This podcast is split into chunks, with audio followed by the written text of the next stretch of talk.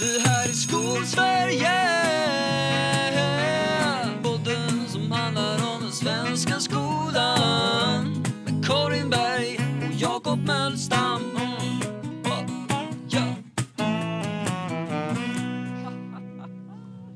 Karin, vi är tillbaka. Det är ett nytt avsnitt. Eh, och det känns lite som att man har kommit igång med läsåret nu. Jag, jag ska inte säga att jag har glömt semestern, men man är ändå liksom på banan igen. Och det känns bra.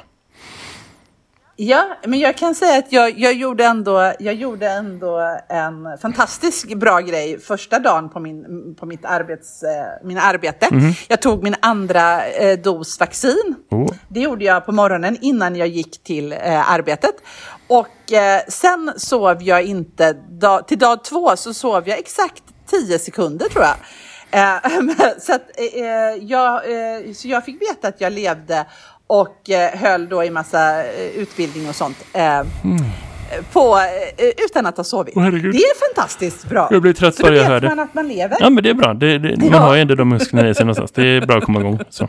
Du Karin, den här veckan Ja. har vi ett lite speciellt avsnitt. Vi har bjudit in en gäst som kommer in här om en Mm. stund. Eh, Jonas Linderoth. Som jag tror många känner igen, i alla fall vid namnet. Så. Ja, det är ju han som skrev eh, boken Lärarens återkomst som var väldigt eh, populär och, och, och omdebatterad för några år sedan. Men han är också våran professor. Just det, just det. Du och Ja, jag vi har ju en professor lärare. Exakt. Det är intressant.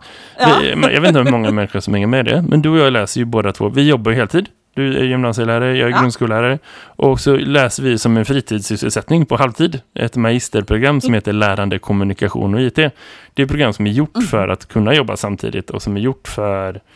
Man behöver inte vara lärare utan det finns ju andra människor också med liksom så. Folk som jobbar med Mm. lärande och kommunikation och IT helt enkelt. Och då är han liksom Mm. inblandad i det. Den utbildningen så.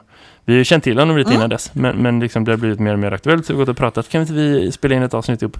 Och här är det samtalet. Som ska handla om eh, relationen mellan undervisande lärare och eh, akademiker på, inom utbildningsvetenskap. Och det där är ju Mm, spännande. Vad skulle du säga att du har för liksom relation till utbildningsvetenskap och forskning så, om man tänker på det sättet? Ehm, alltså, jag kan tänka så här att innan jag började den här utbildningen. Ja, men det får jag eh, tänka. så- så- för ett år sedan liksom. Ja, för ett år sedan så, så kan jag ju säga att jag tyckte ju att jag var väldigt väl förankrad i, i du vet, forskning. Nej, men, forskning. nej, du den, ja, Ja, lite så. Jag, vet, jag var duktig på att läsa liksom, artiklar Ja. och jag var, läste mycket böcker och sådär. Jag, jag är ju liksom en sån person, alltid varit. Mm. Men alltså just den här teorin Mm. som, som, som just eh, utbildningsvetenskap bygger på, den kan jag säga att jag inte har, hade, eh, tidigare har haft något förhållande till alls egentligen mer än att man liksom, ja, Vygotsky, Dewey, att du vet Piaget, jag kan namnen och jag vet liksom ungefär. Mm. Men e- egentligen eh, väldigt liten relation. Hur är det med dig? Nej, men precis samma. Alltså sen när man har ute- haft ute lärarstudenter har man kunnat ställa lite frågor och liksom konversera med dem om det. Så. Men det har liksom inte varit så mycket mer. Jag har faktiskt känt mig helt ärligt när man haft lärarstudenter att så här, för jag minns hur jag var när jag var lärarstudent, att det var, så här, det var på praktiken jag kände att jag lärde mig saker och det var, där, det, var det jag längtade till. Så jag kände någonstans att säga, men det är det som jag vill, den rollen jag vill ha för dem också så. Och jag har känt att jag haft den rollen för dem, studenterna jag haft. Eh, På ett sätt som är lite så, det, det, jag har fått fundera mycket på det efter det här året. Jag håller med dig om, om, om, att det har varit en stor förändring. För jag har inte haft så mycket koppling till, till liksom forskning. Jag har ändå läst, läsa kurser. Du vet, 7,5 poäng där, Mm. 7,5 poäng där. Och det har varit intressant, det har jag gjort i flera år.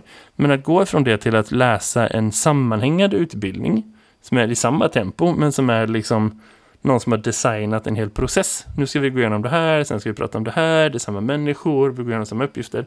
Det är, och det kanske man inte borde vara förvånad om när man jobbar med utbildning, men det är väldigt lärorikt. Och det har varit förvånande, förvånande faktiskt. Så. Det senaste året Ja. har, har varit jättekonstigt med pandemi och så, men det har också varit jätteutvecklande. För jag har fått fundera och lära och tänka på min verksamhet på ett sätt som jag inte har gjort förut. Och som jag kanske inte hade kunnat lära mig när jag pluggade till lärare. För att det, jag har behövt de här tio åren eller 11, 12 eller vad nu är det liksom så, av liksom praktik för att bygga upp en erfarenhet och sen förhålla mig kritiskt till det.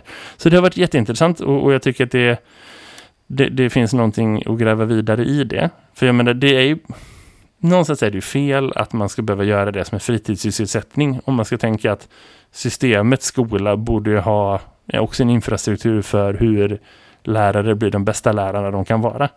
Och där tror jag att det finns en roll för forskning att spela om relationen mellan forskning och eh, eh, praktiker var lite annorlunda. Eh, så. Ja, och, och, precis, och precis det kommer vi att prata med Jonas om nu. Ja, vi rullar biljetten och sen så börjar samtalet. Här kommer den.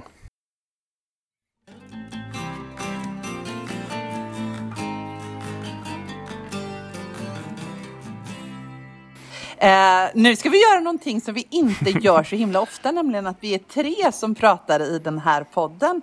Eh, och vi, för vi har ju besök eh, idag av Jonas Linderoth som jobbar på eh, en institution som jag inte hade hört talas om innan. Kan inte du berätta vad det är du jobbar någonstans och vad du är för titel? Ja, jag Oj, det blir långt till jag på säga. Jag jobbar på in, institutionen för pedagogik, kommunikation och lärande. Där på den utbildningsvetenskapliga fakulteten i Göteborg. Just nu är jag faktiskt också deltidsanställd på Försvarshögskolan.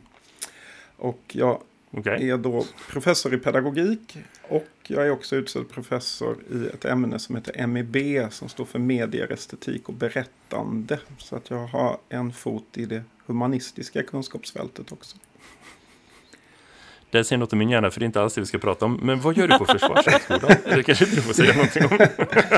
Nej, jag, är, jag hörde till eh, institutionen för krigsvetenskap har en spelsektion där man använder spel för träningssyfte och spel i lärandesyfte är ju min bakgrund och mitt akademiska fält. Så vi använder marintaktiska simuleringar i officersutbildning och jag är med då i forsknings och utvecklingsarbetet. Coolt. Det låter som att det är någonting vi skulle kunna fylla ett helt samtal om, men det är inte det vi ska göra just nu. Utan det här samtalet har vi sagt ska handla om eh, praktiserande eh, lärare och akademiker utbildnings, utbildningsvetenskap och liksom relationen mm. däremellan då. Eh, så. Och det är ju intressant eftersom eh, du är någon sorts representant för liksom, akademiker, men du har en bakgrund som lärare, eller Ja.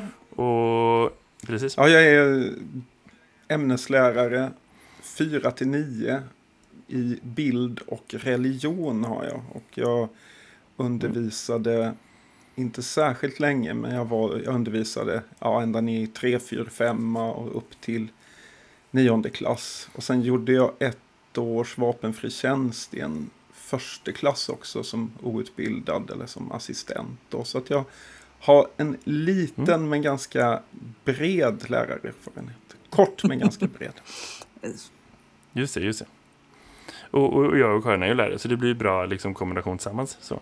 Men om, om, vi tar det från början, hur, hur uppfattar du att den relationen fungerar mellan praktiserande lärare och eh, akademiker i utbildningsvetenskap? Jag har väl under mina år i akademin så har jag väl ofta stött på att det finns en, en slags misstro mellan de här fälten som ofta grundar sig, som jag ser det, på att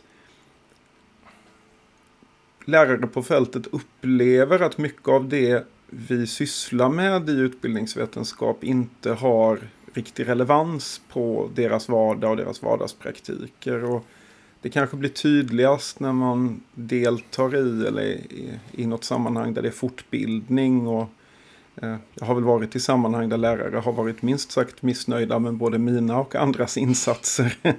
när man känner att man kanske inte riktigt har eh, ja men så här man går in och liksom eh, Hej allihopa, eh, nu har ni en dag ledigt från klassen. Nu ska jag prata om sociokulturell teori och Vygotsky och då, då, kan man ju se suckarna i rummet så på goda grunder tycker jag. ja. Så, så, det är väl, mm. min bild är väl att det, det, finns liksom ett problem där som vi inte riktigt adresserar då. Jag, jag kan väl också uppleva från, från akademikers sida att de ibland inte riktigt förstår och omfattar hela läraryrkets komplexitet och vardag och att många akademiker kanske har en lärarutbildning som är hopplöst inaktuell men inte riktigt har hållit sig och jour med lärarvärlden så att de vet inte riktigt vad som har hänt eller hur det ser ut då. Mm. Men jag delar den faktiskt, den bilden när man får Eh, alltså jag vill ju gärna ha studenter och jag vill gärna ha alltså lärarstudenter som jag ansvarar för och jag, sådär. Eh, men, men jag upplever ju ofta att det de frågor som elev, alltså studenterna får med sig från akademin och, min, eh, och lärarverkligheten eller det som de ska under, inte riktigt stämmer överens. Eh, sådär. Samtidigt som jag upplever också kanske att, att eh, eh lärarutbildningen då inte kanske är så eh, och det har ju kommit det senaste året efter att vi har pluggat faktiskt, inte är så teoretisk som den kanske borde vara. Eh, och... det, det var ju en intressant ja. synpunkt. Eller hur? ja. Skönt att få utveckla det tror jag. Nej, jag, jag, jag. Vi har ju haft dig som, som, eh, som föreläsare i, eh, på den här utbildningen som Jakob och jag läst som heter eh, som lärande kommunikation och IT. Eh, och där var du eh, lärare för introduktionsdelen. Vi lärde oss om de olika lärandeteorierna. Och för första gången i min 15-åriga lärarhistoria så jag har jag varit tvungen det senaste året att hänvisa till teori i min praktik. Alltså motivera min teori med, eller min praktik med teori. Vilket har varit väldigt, väldigt nyttigt att det finns liksom ett svar i, alltså att det finns liksom olika svar beroende på vilket perspektiv du ser det ifrån. Och det upplever inte jag riktigt mm. att när vi läste lärandeteori på min utbildning som var det korta lärarprogrammet för hundra år sedan, eh, så upplever inte jag att Dels så hade vi väl ingen praktik överhuvudtaget för metodikdelen var ju borta. Eh, men vi, vi, behövde heller inte den lilla delen som var liksom didaktiskt eh, förankrat. Behövde vi ju inte liksom riktigt förankra dem, eller lära oss och renodla att det finns olika perspektiv på lärande. Utan det var mer mm. eh, så här fungerar det. Och sen så, eh, men det finns ju ganska många olika perspektiv. Ja, men precis. Ja, ja, det är väldigt spännande att du säger detta. Jag är ju själv lite tveksam till de här teorierna i lärarutbildningen.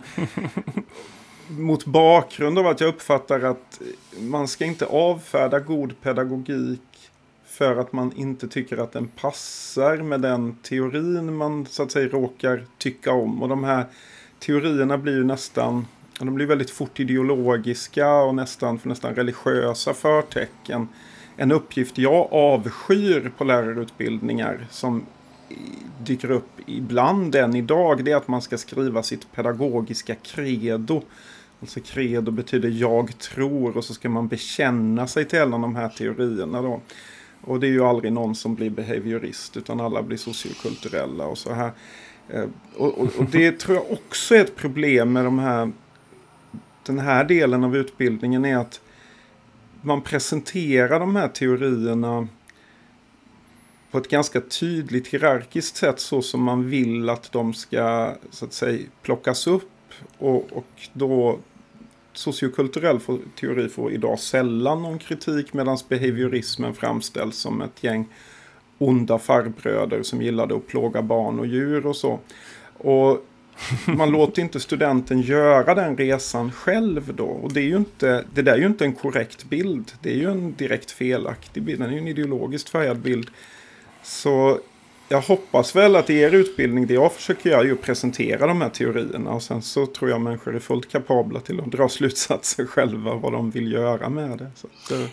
Men det var väl kanske precis just det jag saknade i min lärarutbildning. Just att man var tvungen att, att det finns liksom fler olika sätt att, eh, alltså vi, eh, alltså naturligtvis så, så gick vi igenom, jag tror att jag skrev den där uppgiften också om mitt pedagogiska credo. Jag känner igen det. Eh, men, eh, för länge sedan. Men, men, men just det att det finns flera och att de är lika mycket, att alla teorier är lika mycket värda, det låter ju fånigt. Men du förstår vad jag menar. Att de, att de är liksom olika teorier, olika sätt att se på samma sak. Och just det har ökat min förståelse för min egen praktik. Att jag kan liksom använda behavioristiska metoder Eh, och det går alldeles utmärkt för just i det här eh, och att det är en teori. Den teoretiska delen och den praktiska delen hänger, man behöver inte välja en teori för att vara en praktiker. Är du med mig på hur jag tänker då? Men att det finns en poäng i att ändå förstå vad andra har tänkt. Ja men absolut och många, alltså många metoder och många så att säga pedagogiska arbetsformer vi använder kan vi ju se av vår beprövade erfarenhet och empiri att de fungerar. Och sen kan ju de förklaras på olika sätt i olika mm. teorier. Eh, jag brukar ju ta det här exemplet att när jag blev bildlärare så var det ju en metod som jag använde som hette teckna med högra hjärnhalvan. Eh, Betty Edwards, en bildpedagog. Och det var, gick ut på att man skulle vända en bild upp och ner när man gav den till eleven. Och så fick de avbilda bilden upp och ner. Och det som händer då är att det framträder ett mer abstrakt mönster som gör att det blir lättare för nybörjartecknaren att avbilda det den ser. Det här var ju inte så populärt med den teoretiska överbyggnaden. Alltså vänster och höger hjärnhalva och hemisfär räknas ju idag av OECD som en neuromyt. Men jag vet ju utifrån min lärarerfarenhet att den här metoden fungerade. Och idag har jag ju teoretiska verktyg till att förklara det som händer kognitivt på andra sätt. Eh, min poäng är att många av mina kollegor och delvis jag själv lite grann blev ju mm. olustiga inför att använda den här metoden för att den då skulle bygga på neuromyt. Och det tycker jag är så otroligt synd. Alltså, så att man, man liksom, för, för mig har ju liksom den beprövade lärarerfarenheten, den måste liksom alltid stå över det teoretiska rastret då. Uh, men jag tror du har något i det. Och, och, men jag funderar på, jag sitter och lyssnar på det ni pratar om och jag funderar på liksom jag vet inte hur, för jag har också fått lära mig precis samma sak. Jag att skriva det här kredouppgiften och så också. Och, och, jag undrar, även om man hade undervisat det på ett annat sätt, jag vet inte om jag hade kunnat förstå det du säger nu. Jag fattar det mycket väl med liksom bakgrunden av att ha jobbat ungefär tio år som lärare och Karin, vi har ju pratat om det flera gånger förut, att det här med att liksom gå en lärarutbildning, komma ut i praktik, jobba och sen som du och jag gör nu, komma tillbaka och läsa en tvåårig utbildning vid sidan om att man jobbar, det är otroligt värdefullt för att det man, man, man, är på en annan plats, inte bara man är äldre och man är mer erfarenhet utan också liksom i den processen av att bli en yrkesmänniska. För det här är ju ändå på något sätt en yrkesutbildning mm. det vi håller på med. Och i det så finns det en struktur där man utbildar sig i tre, fyra, fem år och sen kommer ut och ska liksom tjänstgöra i, i resten av sitt yrkesliv. Och det är ju där lärare behövs. Menar, har vi lärarbrist så kan vi inte hålla på att flytta bort dem hela tiden tillbaka till akademin. Men samtidigt så behövs det ju att man då och då får möjlighet att fundera på liksom sin utveckling längs med vägen. För jag vet inte om jag hade kunnat förstå det något som något annat än en linjär. Liksom först var det så här, sen kom det här och sen kom det här och det här blir bättre och bättre och bättre. Jo, kanske. Jag ska inte underskatta mig själv, men, men jag tror ändå att det, det kanske är liksom förlåtligt att man har den inställningen. Och jag tror att många lärare i, i, som en bakgrund av det också när man tar examen slutar fundera på, på liksom lärande teorier. Jag tror inte att det är någonting som man går runt och tänker på när man planerar undervisning utan liksom, i alla fall inte i början utan då är det så här, jag gör det här, funkar det, funkar det inte? Ja, det verkar funka bra. Och sen kanske det är så att efter ett par år att då, då är man mottaglig för att liksom komma tillbaka, Karin, som du säger, och fundera på sin praktik utifrån från teorier och vara mottaglig för att förstå att just det, men här finns lite av det här, här finns lite av det här och, och så. Så jag undrar egentligen lite så med, med liksom den strukturen som finns i, i, i, hur det är att vara lärare. Att man utbildar sig först och sen ska man kunna allt och bara jobba. det känns ju som ett hinder för att ha en bra relation mellan liksom, eh, praktiker och akademiker i det. Eller? Ja, det, det tror jag. Jag tror du har en viktig poäng där. Och att i den bästa av världar kanske man hade organiserat det på ett annat sätt med ett eh, som läkare att man har ett AT-år eller någonting och sen kommer tillbaka och pluggar och få ta till sig mer. Eh, men sam samtidigt så, i det du säger Jakob, jag tänker att alltså mitt, mitt problem med hur de här teorierna lärs ut som jag tycker ändå berör den här, det här avsnittets tema lite grann om det här förtroendet. Det är ju att de vanligen lärs ut på det här linjära sättet som inte är kronologiskt korrekt. Jag vet inte om ni håller med mig men så som jag blir instruerad mm. att lära ut det här, så som de läroböcker jag använder, eller måste använda då i kurserna på lärarutbildningen, så lär man ju till exempel ut att Dewey och pragmatismen lär man ut eh, sist ihop med Vygotsky. Och så börjar man i behaviorismen. Mm. Och då är det ju så att pragmatismen föregår ju behaviorismen rent historiskt. Och sen har du den klassiska behaviorismen, alltså Watson och Thorndike. Sen har du Vygotsky och sen har du den operanta betingningen och Skinner. Men den bild jag uppfattar att jag oavsiktligt då ger lärarstudenterna det är ju den här att då var de, då på den tiden var de dumma och gjorde råttexperiment och sen kom de upplysta. Mm. Eh, och, och, och, så slutar man liksom i Vygotsky och Dewey fastän att det inte är det senaste. Och det tittar jag på kollegor internationellt så ser det ju väldigt annorlunda ut. Där lär man ju inte ut det på det viset. Utan där skiljer man ju ut de psykologiska teorierna från de sociologiska teorierna och så. Eh, på ett mycket mer distinkt sätt uppfattar jag det som. Och kanske inte ens ha med Dewey i samma kurs som man har med de andra så att som är psykologiskt orienterade teorierna. Mm -hmm. Och det här uppfattar jag är ett sätt att liksom lite misstro lärarstudenten. Att eh, man vill lära lärarstudenten rätt man vill inte bara så att säga eh, servera mm. hur de här teorierna såg ut. Utan man måste också lansera kritiken mot dem.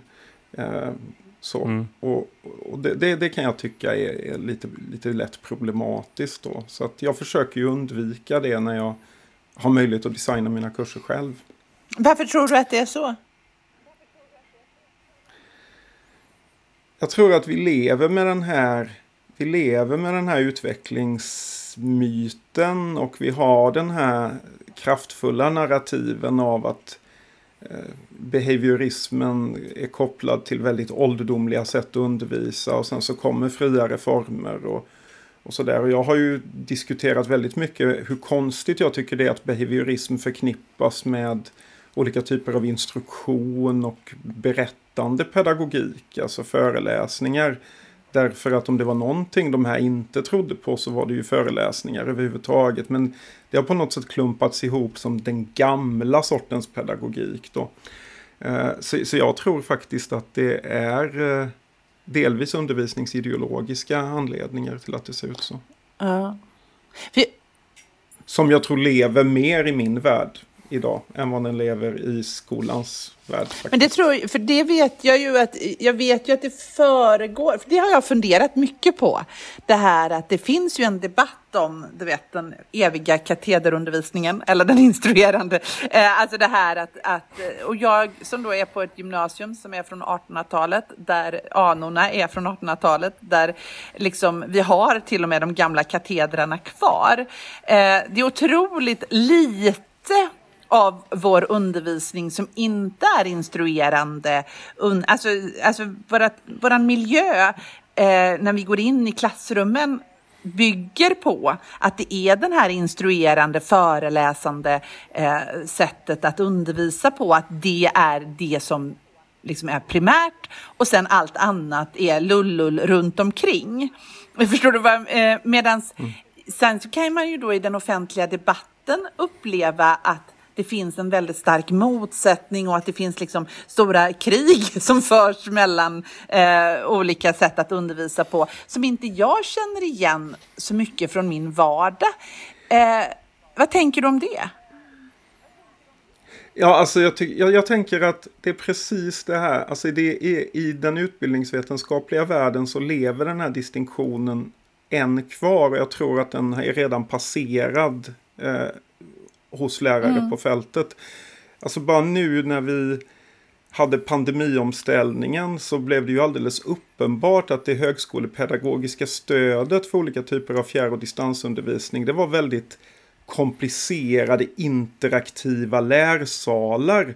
Men det fanns inget stöd att få när det gällde hur man kunde ha en schysst kamera och en schysst mick för att streama. Så att någon slags sån här bas för förmedlande pedagogik under pandemin, det hade vi inte tillgång till. Men om vi ville hyra en stor sal med massa tekniska eh, lösningar, då fungerade det. Så att, eh, och det, det, där tycker jag illustrerar eh, någon slags relation mellan när man undervisar mycket, vad som är undervisningens realitet och, och hur det faktiskt går till och ser ut och, och administrera en grupp som ska utbilda sig. Och hur man så att säga föreställer sig det här på pappret i någon mening då. Uh, och ett närliggande problem där det är ju att om, om jag vågar vara så kritisk mot min egen värld, men jag, jag ser ju mig ibland som självhatande akademiker, så det är väl en... en eh, det är ju att väldigt många av de som uttalar sig om undervisning i min värld, de undervisar ju väldigt lite själv, alltså även i den högre utbildningen. Ju mer senior professor du är, skulle jag våga påstå, desto mindre syns du i, i undervisningen, utan det blir någon slags gubben i lådan, pedagogik där man plockar fram professorn som får prata och ge en gästföreläsning och det skulle jag inte ens kalla undervisning när man inte själv har kursansvar och leder verksamheten och designar mm. uppgifter, mm. examinationer etc. Och att utifrån den väldigt begränsade erfarenheten sen behöva förhålla sig till läraryrkets komplexitet är inte alltid lätt. Och vad beror det på att det är så? Liksom? Är det en statusfråga eller är det, vad är det som gör att det har blivit på det sättet tror du? Ja, jag kan bara spekulera här för det finns inga, jag har inte läst några studier så det här är ju, det här är ju min bild mm. då av, av att ha jobbat i det här. Men, alltså den, en utbildningsvetare, eller alltså, man ser det ofta på grund av arbetsvillkoren som att man helst vill hålla på med forskning för det är friare och det är mindre arbetsamt och det leder dig längre i karriären. Där eh, undervisning då är det som många seniora akademiker gärna undviker, uppfattar jag det som, om det inte är eh, på forskarutbildning eller enstaka inslag. Men att behöva gå in och ta en kurs betraktas lite som ett misslyckande. och hos många av, i den traditionen, så de seniora akademikerna försöker ju få forskningsbidrag på forskningsbidrag på forskningsbidrag för att kunna köpa sig loss från undervisningen. Men det beror delvis också på att högskoleundervisning är så otroligt underbudgeterad. Du får så väldigt lite arbetstid för att eh, genomföra den. Så att det, det, blir ett ganska slitsamt jobb då. Eh, så, så, det mm. tror jag är anledningen. Och kanske också att det konkurrerar med den tiden och fokuset som man skulle kunna lägga på alltså sin forskning typ. Om man, om man vänder lite på det. Eller? Ja, ja, absolut. Absolut. Att det inte, det är inte riktigt... Mm. Alltså mina internationella kollegor, de har ju mm. ett system där de undervisar under vissa tider på året. Och då är de lite som enmansband. De sköter en hel kurs, sköter alltihopa och vet att under den tiden kommer jag inte få något skrivet, jag kommer inte få något forskat för det är min undervisningsperiod.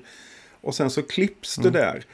Men högre utbildning i Sverige är ju, den är ju organiserad lite annorlunda. Du liksom hoppar in på timmar här och där. och vi har väldigt många fler möjligheter för studenter att göra omexaminationer så de bara fortsätter komma. och Eh, så, så det finns många systemproblem i detta som gör att det är svårt att kombinera forskning och undervisning. Eh, Men jag, för, för jag vet inte, jag har lyssnat på ytterst få, eller men ibland lyssnar jag på så här eh, amerikanska poddar för, med forskare och sånt. Det, jag är så dålig på engelska, det är en, det är en grej eh, som jag brukar ta upp. Men, jag, men jag, och då för att bli bättre så lyssnar jag på dem. Men där verkar det vara så att man också har, liksom som forskare eller som professor, har en grupp studenter som man jobbar med och man, de, de hänvisar ofta till sin grupp som de utbildar och som de lär sig av, att det finns en nyttighet med det. Eh, finns det inget sånt i Sverige? Har du inte en grupp som får gå i, som, som har dig som sin Platon? alltså det, det, är klart att det finns, eh, det finns olika akademiska sammanslutningar av det finns olika akademiska sammanslutningar av Eh, så kallade eh, kollegier där, eh, där doktorander framförallt då deltar och har någon leds av en eller flera seniora akademiker.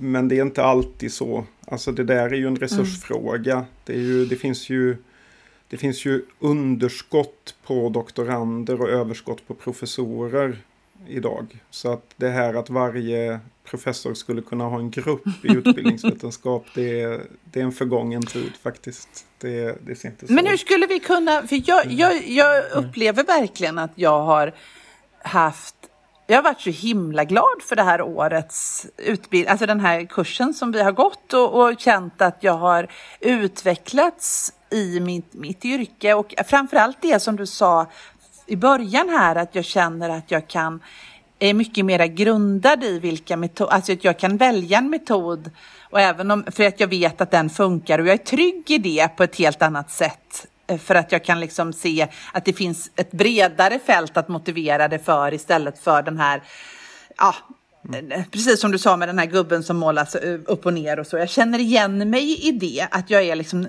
jag blir en tryggare eh, lärare och då blir jag också en bättre kollega och bättre liksom på det sättet.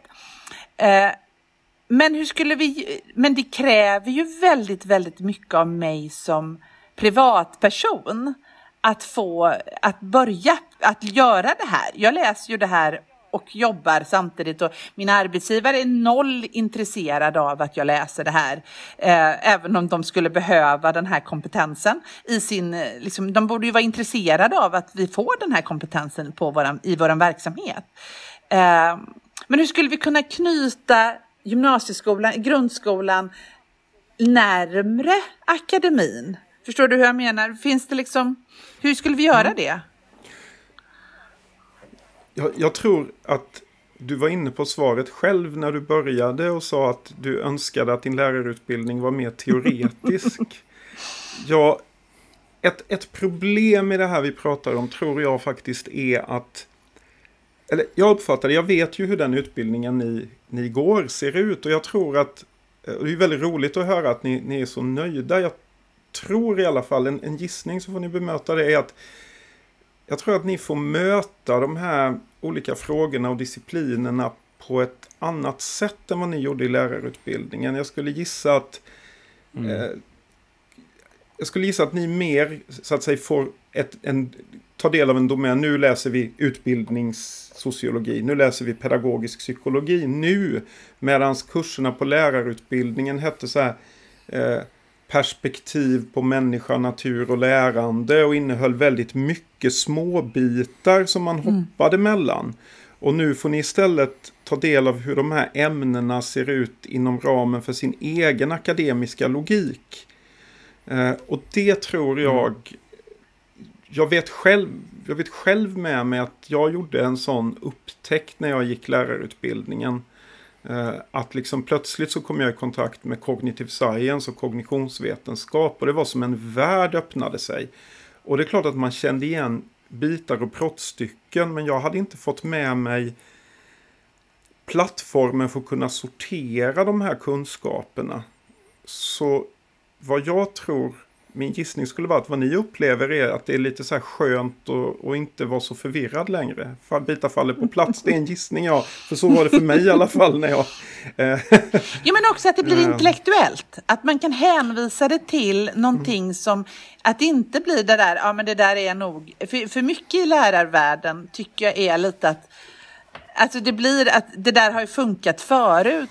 Men nu, vet, nu kan jag säga att det där har funkat förut eftersom att det är så här. Och inte eftersom att, för det är fel svenska, men ändå. Mm.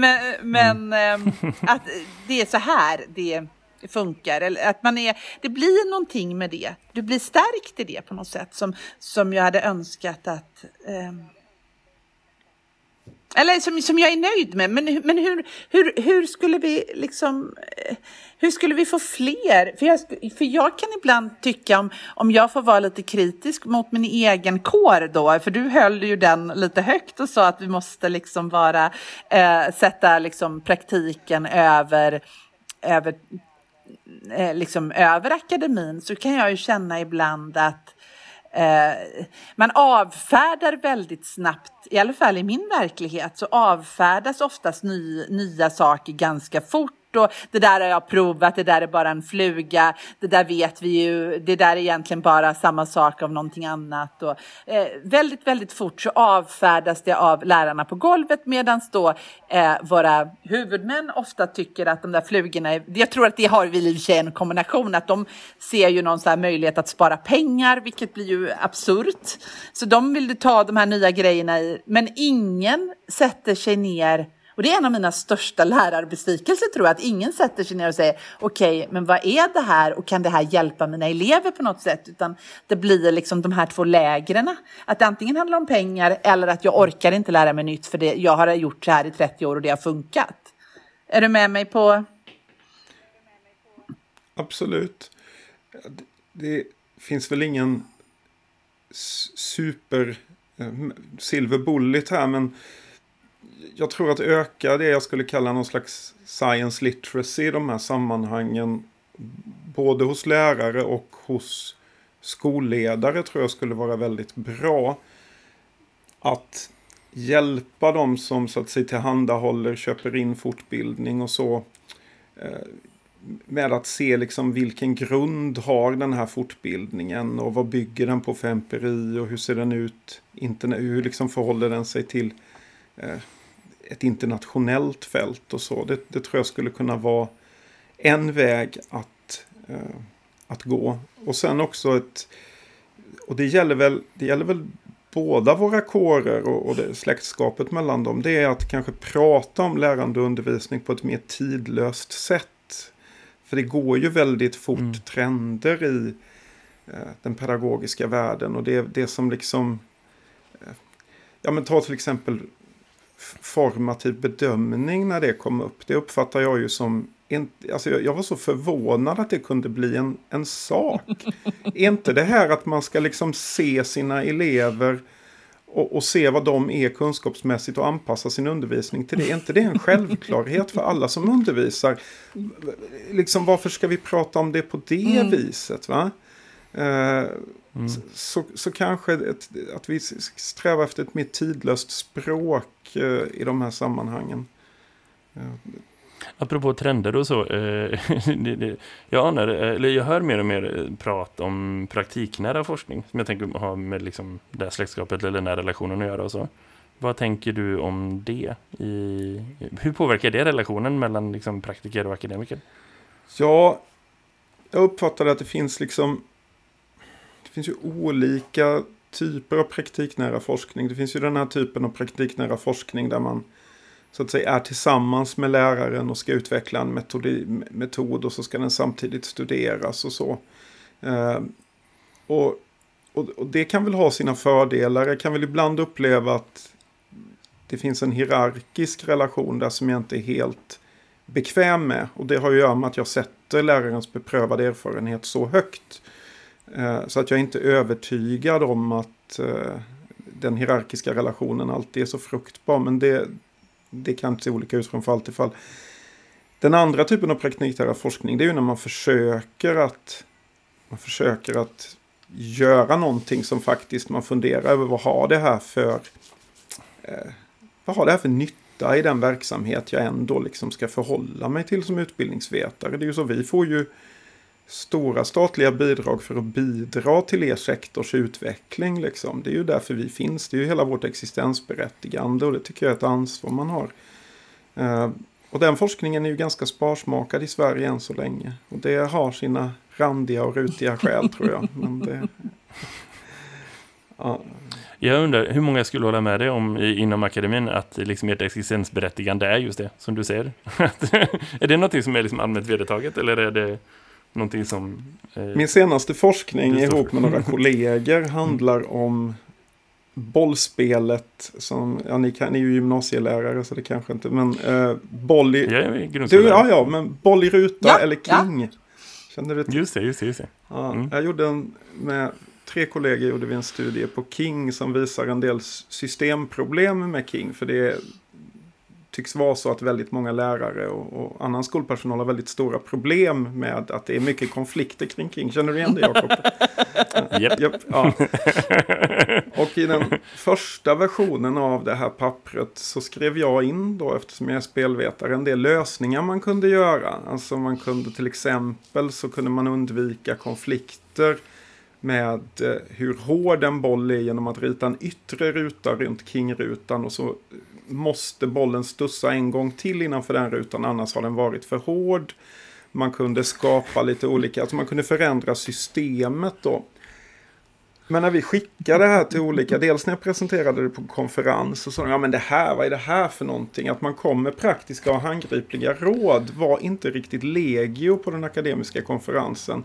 Och vi valde till sist då i den eh, process som sker när det här ska bli en publikation så småningom. Nu är den inte publicerat än. Att ta, ta bort den delen. Det är väldigt svårt. Och liksom, så att vi för ganska teoretiska, eh, teoretiska resonemang om barnens interaktion vid eh, Kingspel. Men det, eh, den här praktiska lösningen den får vi liksom ta i ett annat forum sen då. Och det...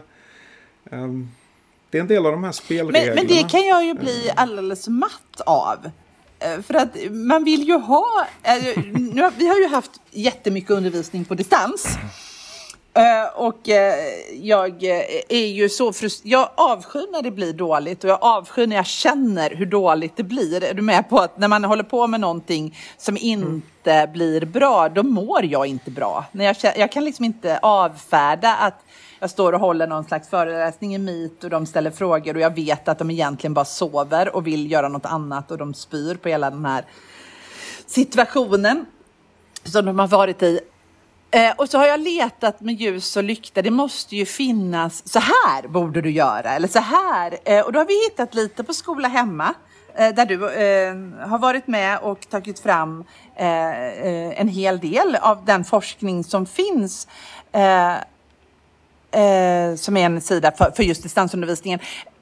Men jag hade, jag väntar fortfarande på facit höll jag på att säga, men jag skulle fortfarande vilja veta mycket mer än vad som, men mm, alltså jag, jag, jag vill, jag har ju inte tid när det blir sådär att ta reda på jag kan ju göra min erfarenhet sen, men jag skulle vilja veta liksom det här, så här, den här strukturen skulle du vilja ha.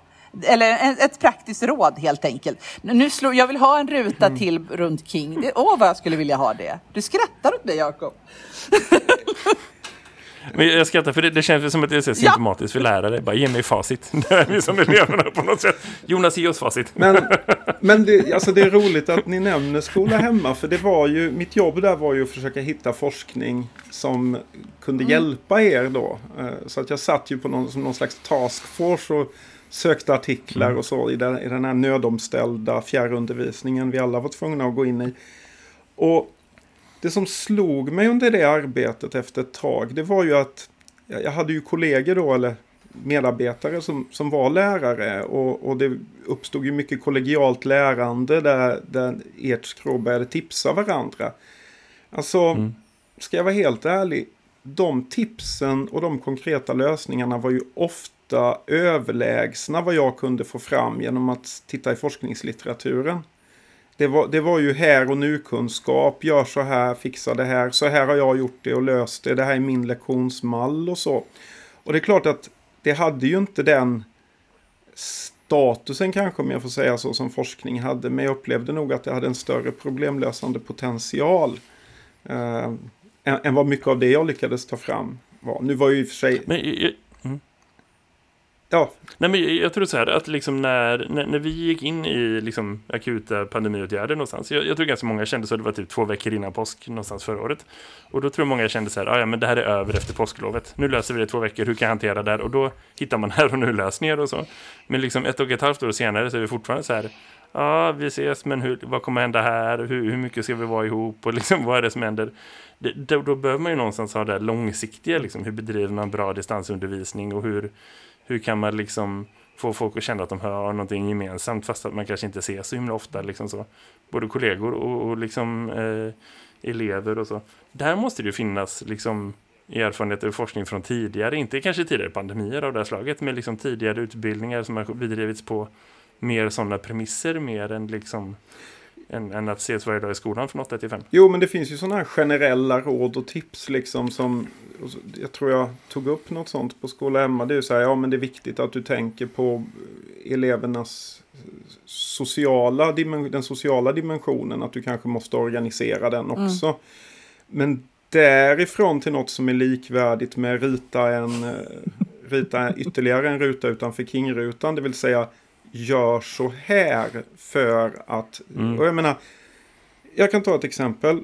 Vad gjorde jag när jag hade en ny kurs eh, i, i vintras? Jo, jag gick in på en sida som hette eh, Ja, den hette, ja, någonting. Det är en board game någonting. Det är en sida där man kan spela olika brädspel online. Och så organiserade jag ett eh, grupparbete där studenterna som då var nya för varandra fick sitta i och spela brädspel. Sen ställde vi lite frågor runt det här liksom som hade med kursens innehåll att göra. Men mitt egentliga syfte var att få ihop dem, få dem här att känna ett socialt sammanhang och så. Ja men det är ju ett tips. Det är något man kan göra online. Det är något som funkar. Men jag menar det är ju inte förankrat i någon forskning att det här fungerar eller inte. Det var ju bara att jag nej, råkade nej. ha liksom eh, kunnande om den här sidan och, och, visste liksom att brädspel för ihop folk. Fast så, du visste ju också att sociala ja. sammanhang är av vikt vid undervisning. Eh, och det tror det jag att har gått ganska många människor förbi. Jag tror att det var ganska långt in i pandemin. Vi som läste på Skola Hemma, vi visste det, eh, för att där stod det ganska tidigt. Men jag vet ju att, eh, att många har Eh, många elever har uttryckt att de har blivit extremt ensamma. Det ser man i de här undersökningarna som har gjort att hela deras sociala eh, sammanhang har försvunnit eh, och så. Eh, och att eh, då hade man liksom fått någon slags, vi måste ha fokus på det om vi ska kunna lära ut någonting som har med Aristoteles att göra. Så måste vi ha ett socialt sammanhang också. Eh, då hade ju det varit eh, om det hade liksom funnits, inte bara att det är något tips i någon Facebookgrupp som, eh, för att tipsen i Facebookgrupper är verkligen högt och lågt och det är ganska jobbigt att sortera för att man tycker, man tycker om att publicera vad man själv har kommit på men, men det är ju ganska, det kräver ganska mycket att sortera där vad som är bra och inte. Mm. Och det är väl också så att det som funkar bra för mig kanske inte funkar bra för dig. Så det kanske är så kvaliteten på de tipsen kan liksom variera från person till person. Och jag, nu när jag lyssnar på er så undrar jag lite så här, är det fel frågor vi ställer av liksom forskning, vi praktiker, liksom när vi vänder oss till forskning eller den relationen vi har. Så går ja. du så här, men jag vill veta, hur ska jag göra? Ge mig tips, ge, berätta för mig, ge mig facit. Så. Och, och det kanske är så här, är det det det kanske är det som, som forskning kan leverera, men det kanske också är liksom fel. Det kanske är det som vi kan utforska tillsammans, eller liksom komma på, inte ska använda ordet, men liksom det som vi kan ut, tänka ut tillsammans. Medan liksom det kanske är andra saker som egentligen är det forskningen ska komma in med. Vad tänker ni om det? Vad är det egentligen för fråga man borde ställa som praktiker när man möter en forskare?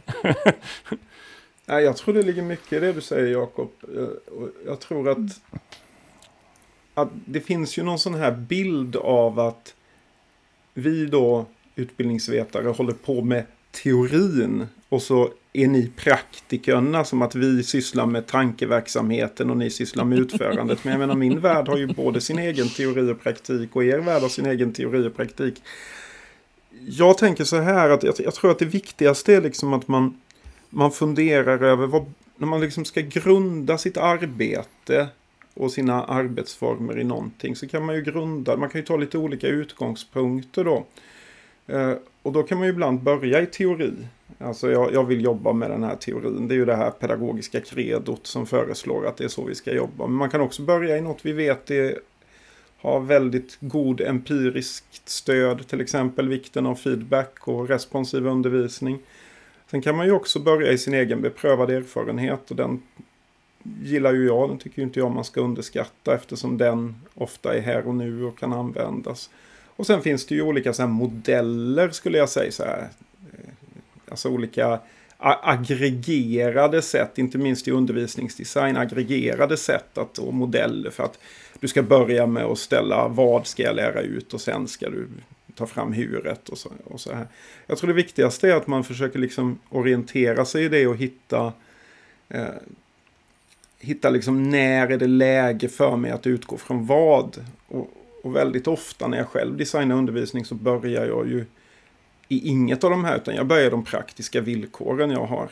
Okej, jag har 100, mm. 100 timmar arbetstid och det är sju och en halv vecka och den ska gå kvällstid. Vad gör jag av det då? Alltså, det är ju en del av, det, det är ju det, det är ju något man inte vågar säga som ny lärare, att man börjar i liksom de praktiska omständigheterna. Nej. Men det är ju en nödvändighet för att kunna överleva, att man gör så. Vad har jag för... Men självklart. Så. Jag menar, jag vet inte, du, det måste väl ha varit uppenbart om man jobbar med teaterämnet under pandemin. Vad har jag för förutsättningar? Det måste väl ha varit den absolut första frågan skulle jag gissa du ställde dig när du designade. Jag, är ju inte, jag har ju teaterelever men jag är ju inte teaterlärare som tur är. Men, men de, de, eh, eh, för det, de försökte ju. Eh, och jag ska verkligen säga att all heder till mina kollegor på teatersidan som hade eh, monologer. De, de, spelade ju teater i Meet. Eh, de repade, men då är det ju en viss fördröjning. Eh, och jag har provat, alltså du får spela, liksom, du måste tänka en sekund för kort. Eh, nej, eller alltså du måste ha en viss paus för att få det att flyta på ett snyggt sätt. Eh, vilket gjorde att det fick ju helt fel timing och fel känsla. Det var otroligt svårt att spela teater mm. i, i just det här verktyget. Det finns ju andra, lärde vi oss sen. Mm. Eh, men också det här att du inte kan ta och känna och... Alltså här, teater är ju också en fysisk form. Eh, och så, att mm. mötas. Men jag, jag brukar också börja i mina fysiska förutsättningar men också i, jag vet ju vad jag är bra på. Så jag börjar ju med hur kan jag, mm. den här kursen, hur kan det som jag är bäst på komma till bäst nytta? Liksom. Jag är duktig på att berätta historier, jag är duktig på eh, liksom det här att skapa en relation och skapa engagemang. Eh, har varit, men det var ju väldigt sorgligt under pandemin, att skapa relationer över Meet går så dåligt för mig. Eh, så att jag, mitt bästa vapen blev ju jag av med. eh, så. Mm. Ja, men så är det. Jag funderar på en sak du sa förut och som du har pratat om egentligen flera gånger i det här samtalet. Men som jag ändå, det är först nu jag börjar fundera på det. Eh, för man pratar om att skolan ska vila på vetenskaplig grund och beprövad erfarenhet och så. Men vad är egentligen liksom definitionen av beprövad erfarenhet. För det har jag hört lite olika liksom, förklaringar från olika håll. Det var någon gång, jag minns helt ärligt inte vem det var, men jag pratade med någon som var inom utbildningsvetenskapsvärlden som var så, här, så irriterad över att lärare kallar sin egen erfarenhet för beprövad erfarenhet, för den är inte beprövad. Liksom. Så vad, vad är egentligen, vad uppfattar du i det ordet? Så.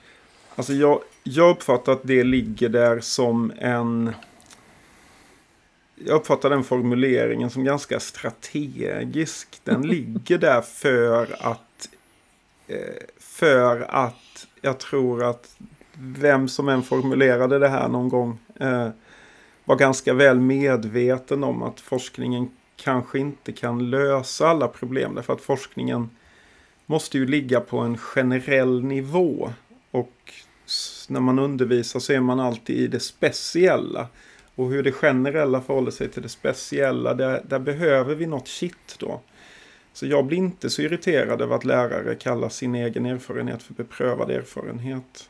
Eh, Men kan lärare kalla vilken erfarenhet som helst som man har varit med om för beprövad erfarenhet? Ja, om den är... Ja, om den är mer eller mindre systematisk. Jag har inte liksom... Jag, jag, jag tycker den andra formuleringen, det här... Alltså, att man ska problematisera så vetenskaplig grund. Då brukar jag säga, ja vilken mm. vetenskap? Ja! Vilken oh! forskning? vilken forskning ska vi då ta? Jag, jag är med där, jag menar, det är ju ja. ingen hemlighet att jag, jag, jag eh, är ju inte, jag, jag, till exempel är ju inte jätteimponerad över den svenska utbildningsvetenskapen och, och särskilt inte över det som görs i, i didaktikfältet. Jag tycker inte det håller särskilt hög standard. Uh, utan mycket av det man har skuggat en lärare i, i, i eh, fyra dagar och så skriver man något lite halvelakt om vad de här, när de här lärarna inte följde läroplanen och så. Det är min bild i alla fall av det. Och, och jag tycker ju liksom det mm. kan ju inte mäta sig med den internationella eh, mycket av den internationella forskningen, särskilt inte inom pedagogisk psykologi. Så jag är skeptisk till den här nordgermanska didaktiska eh, traditionen som har så otroligt inflytande i Sverige. Då. Eh, men det får vi ju aldrig så här, vilken vetenskap ska vi använda? Ska vi, liksom, ska vi skriva policy på grundval av någon kvalitativ studie där någon har skickat ut sina lärarstudenter att skugga lärare? Mm. Är det liksom verkligen rimligt att skriva eh, styrdokument på grundval av sån forskning? Liksom? Det... Och det där är ju jätteintressant och jag, tycker det är så svårt att, man kan inte förhålla sig, jag kan inte förhålla mig till det som praktiker som inte har den, den liksom den kontakten med, med, med forskningen att det går att bedöma kvaliteten på det. Jag tycker det är jätte, jättesvårt och, och, och, men det låter ju superrelevant det du säger men det, är så här, det skulle jag vilja prata mycket mer om och vilja veta mycket mer om. För att det, det är ju, påverkar naturligtvis vilken, alltså vilka verksamhet som man befinner sig i och liksom vilken kontext som skolan får finna sig som du säger. Vilken vetenskap ska Ja, det men, vara, och jag- liksom, vilken grund. Ja, men jag är alltså jag kan ju bli sådär arg. Jag skrev något jätteargt inlägg som blev väldigt delat på någon blogg någonstans. Jag, skrev, jag tror jag faktiskt skrev det som någon Twitterrant i ärlighetens namn som sen blev en artikel.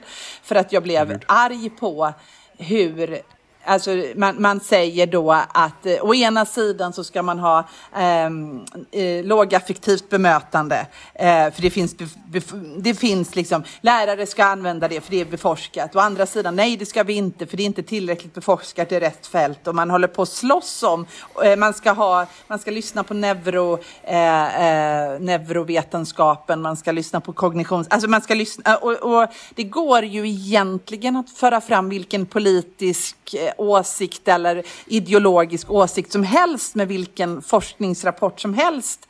Eh, men som, för mig som praktiker så är det ju snarare så att jag kan ju lyssna på, eh, på eh, neurovetenskapen och, och liksom ta, te, ta del av de, deras forskningsfält. Men när jag väl designar min undervisning så bygger ju den på eh, så mycket mer. Det är inte, alltså jag behöver inte avfärda, ingenting behöver stå emot varandra. Utan det, man, det gäller ju att man är klok Nej. i det där. Jag blir jätteglad när du säger vilken Mm. forskning, för det vill man ju verkligen veta. Alltså, Eh, Karin, jag tänker så här, eh, att liksom, det jag tar med mig av det här samtalet, vi ska snabbt börja runda av det, det är liksom att vi måste prata mycket, mycket mer om det här. Och Jonas, om du vill, får, vill jag jättegärna fortsätta med de här samtalen och komma in på exakt det här. Vad är det för liksom, eh, vetenskap som skolan ska vila på och vad finns det för beprövad erfarenhet? Det måste vi göra mycket mer, för att det känns som att det, man öppnar en dörr och så inser man, wow, här fanns jättemycket mer att utforska. Liksom. Jag tror inte bara det handlar om vilken forskning faktiskt också. Utan när jag tänker på det och hör er så tror jag också det handlar om det här som vi var inne på lite grann. Det här med att vi, att vi diskuterar, diskuterar forskningens kvalitet också i de här sammanhangen. Och ökar olika kategorier, kategorier science literacy så att säga. Så att vi pratar om, om de här frågorna och pratar om ja men den här studien visade det, men metoden kanske inte är så toppen. Eller vi, vi, vi har ju gått i en del sådana där fällor. Jag menar vi hade Hattie-febern och sen så var det ju metodologiska problem som många sa med de här metastudierna. Och nu, nu har folk liksom avfärdat Hattie helt, vilket också är oerhört problematiskt. Va? För att vi har inga nyanser Eller i den debatten. Ta det här Karin var inne på, eh, tycker jag är spännande, det där lågaffektivt bemötande. Det är ju, ska man lägga teoretiskt raster på det så visste ju redan behavioristerna att utsläckning fungerar. Att bemöta vissa, bemöt, vissa beteenden som är riktade mot dig ska du bemöta med ingenting. För det är ett beteende du, du inte har något för. Det upphör du med. Men det är ju en sanning med modifikation därför att det kräver ju att beteendet är riktat mot dig. Alltså att det så att Mm. så Nu tror jag inte de som förespråkar lågaffektivt bemötande skulle vara så bekväma med att jag gör kopplingen till behaviorismen. Men sanningen eh, är sanningen. så, jo, så- fast jag måste men- ändå säga att min men- syster som då inte är lärare utan hon har läst en pedagog, alltså hon hade en pedagogisk fort, vidareutbildning. Där hade hon läst om behaviorism eh, utifrån eh, positiv förstärkning och utifrån den, det rastret och var oerhört fascinerad av behaviorism på ett helt annat sätt och hade bara positivt. Det- Den är ju väldigt spännande den. Och jag bara, men herregud, var, var är du ifrån? Var har du läst hela boken? Eh, så att eh, Ja, men, det finns ju den. Ja, men jag, jag, Ja, jag har inga problem med behaviorismen som teori. Den, det, så jag håller nog med där. Men, men eh, jag, jag, jag tänkte mer på, vi kanske inte ska nämna någon, men den, den som har varit i, jag tror inte den person som har varit i hetluften när det gäller den här eh, lågaffektivt bemötande kanske inte hade skrivit under på Nej. kopplingen till behaviorismen och det här. Nej, men det är en annan Men sak. det finns ändå någonting som jag tycker sammanfattar hela det här samtalet. Liksom sanningen är sanningen. på något sätt. Det är roligt. Det är bra eh, poäng att landa i någonstans. Som jag tänker att vi måste... det var inte alls det vi började med att prata om. Men Ja. det var där vi hamnade någonstans. Hörrni, det var superintressant att, att prata med er. Vi ska eh, runda av det här samtalet. Men Jonas, det har varit jätteintressant att fortsätta diskutera fler specifika ämnen med dig längre fram. När den här artikeln om eh, King eller så är publicerad så vill jag spela in ett helt avsnitt där du bara tipsar om olika hur man kan lösa de här problemen. För det hade gjort mitt lärarliv hundra gånger enklare. Kommer gärna tillbaka, det här var jätteroligt. Tusen tack. Jätteroligt. Det ska vi prata om. Toppen. Hej då! Kanon. Det här är Skolsverige